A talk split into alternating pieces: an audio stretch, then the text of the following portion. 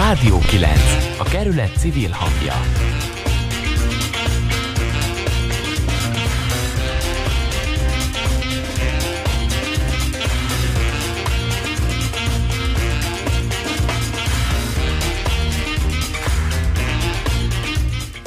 Jó napot kívánok, Bencsik Márta vagyok. A Ferencvárosi Közösségi Alapítvány támogatásával működő Rádió 9 ismét jelentkezik a lakásstúdióból. Reményeink szerint utoljára készítjük a műsort a nappalinkból, a következő adásokat már külső helyszínen készítjük mert mi is azt érezzük, most már igazán itt a nyitás ideje a kényszerű bezárkózás után. A nyitás lehetősége és módja a műsor témáiban is megjelenik, a sétától a kávézóig, a tanulószobától a helytörténeti gyűjteményig. Jó napot kívánok! Nemes Nézzingredina vagyok, a műsor másik szerkesztője. A lazítás nyitás témakörén túl szó lesz mai műsorunkban arról is, hogy hogyan valósulhatnak meg autómentes hétvégek Ferencváros szívében. Beszélünk a Kelvin tértől a Kinizsi utcáig terjedő hétvégi lezárásról és forgalomszabályozási kérdésekről. A Dési Huber művelődési házban is jártunk. A digitális térbeköltözés és a nyári tervek, a művelődési ház jövőbeni uranyítása jelenik meg mai témáink között. Petíció indul Stadionov néven. Ferencvárosi, délbudapesti civilek és támogatóik arra kérik a kormányt, stadion helyett park épüljön a Vituki helyén, a Ferencvárosi Dunaparton. Érvek és ellenérvek kerülnek szóba műsorunkban. Egy szintén jelenleg folyó kezdeményezésről, a 90 az élet oldalon meghirdetett adománylicitről is lesz szó mai műsorunkban. Az on- online jótékonysági eseményen a Horizont Szociális Alapítvány segítségével és közvetítésével Ferencvárosi rászoruló családokat segíthetünk. Beszélünk a Ferencvárosi Helytörténeti Gyűjtemény helyismereti játékáról, és arról, hogy a kerületi sétát a TV képernyőjén keresztül is követhetjük, de az nem annyira izgalmas, mintha magunk is résztvevői volnánk. A műsorba készült interjúkat és összeállításokat a Rádió 9 stáb tagjaival, Barna Erával, Berec Péterrel, Borbás Gabriellával, Olá Rolanddal együtt készítettük. Főszerkesztőnk, aki egyben a technikát is kezeli, Sarkadi Péter. A Rádió 9 együttműködő partnerei a 9-ben az Életblog és a Tilos Rádió. Itt hívjuk fel még a figyelmet arra is, hogy mostantól élőadásunk hallgatható a Rádió 9, a 9-ben az Életblog és a Ferencvárosi Közösségi Alapítvány Facebook oldalán keresztül is. Köszönjük, ha megosztják az élő közvetítést önök is ismerőseiknek.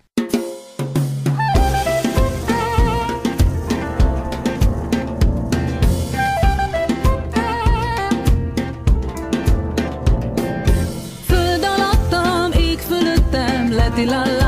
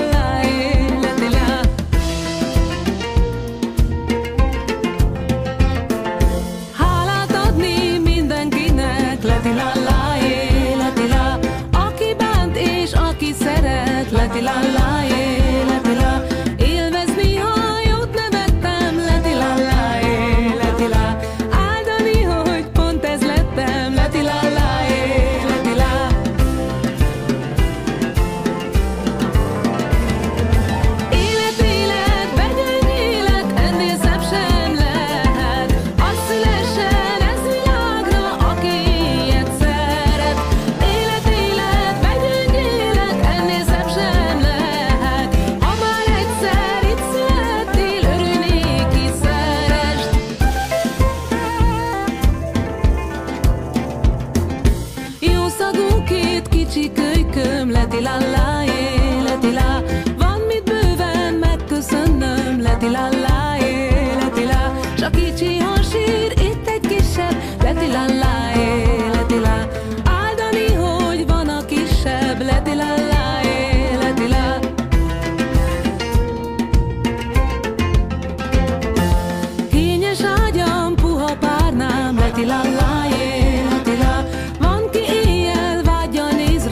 la la.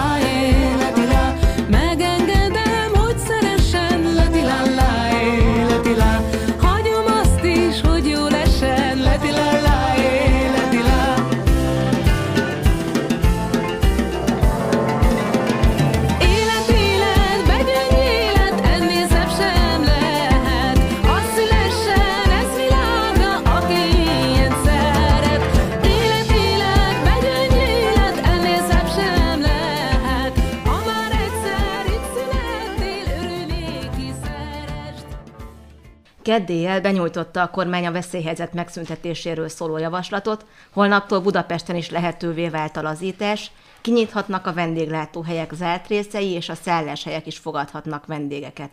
A Ferencvárosi hírekről Berec Péter hír összefoglalóját hallhatják.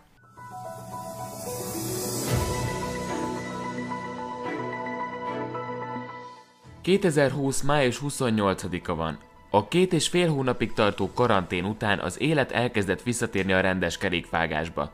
Nézzük az elmúlt két hét legfontosabb híreit. Újra kinyitnak az óvodák és a bölcsödék. Június másodikától ismét a megszokott rendben működnek az önkormányzati fenntartású óvodák és bölcsödék. A vészhelyzet és a járvány azonban nem múlt el, ezért arra kérjük a szülőket, hogyha tehetik, akkor még tartsák otthon gyermeküket áll az önkormányzat Facebook oldalán. Ezen kívül alapos fertőtlenítés után megnyitnak a kerületi játszóterek is. Az önkormányzat azt kéri, hogy a játszótereken a 18 éven felettiek viseljenek maszkot, és a családok tartsanak egymástól legalább másfél méteres távolságot. Forgalomkorlátozás belső Ferencvárosban. Május 23-án elkezdődött az úgynevezett Holler Delta vágány kiépítése. Az önkormányzat honlapján az áll, hogy ezzel a villamos kapcsolattal lehetővé válik, hogy a Boráros tér vagy a Pesterzsébet felől érkező új villamosjárat észak irányba, a városközpont felé fordulva a Jászai Mari tére vihesse az utazóközönséget. A munkálatok várhatóan 2020. decemberéig tartanak majd. Elkezdődött a Fradi kiállítás bontása. A Ferencvárosi Tornaklub a táblákat és a hozzájuk tartozó filmálványokat is eltávolítja két héten belül, továbbá a kivitelező köteles visszaállítani az eredeti állapotba a közterületeket. Lezárja az önkormányzat belső Ferencváros részét az autók elől. A nem gyalogos vagy biciklis közlekedők 8-tól 20 óráig csak lakcímkártyával hajthatnak be, kivéve szombaton. Ugyanis akkor a vásárcsarnok forgalma miatt a Közraktár utca felől a Pipa utca felé 15 óráig nyitott marad a terület. A járvány miatt rendezvényeket nem szerveznek el területekre, de szombattól hétfőig biztonságos kulturális és gyermekprogramokkal találkozhatunk. A lezárást érintő területekért keressék fel a www.ferencváros.hu-t.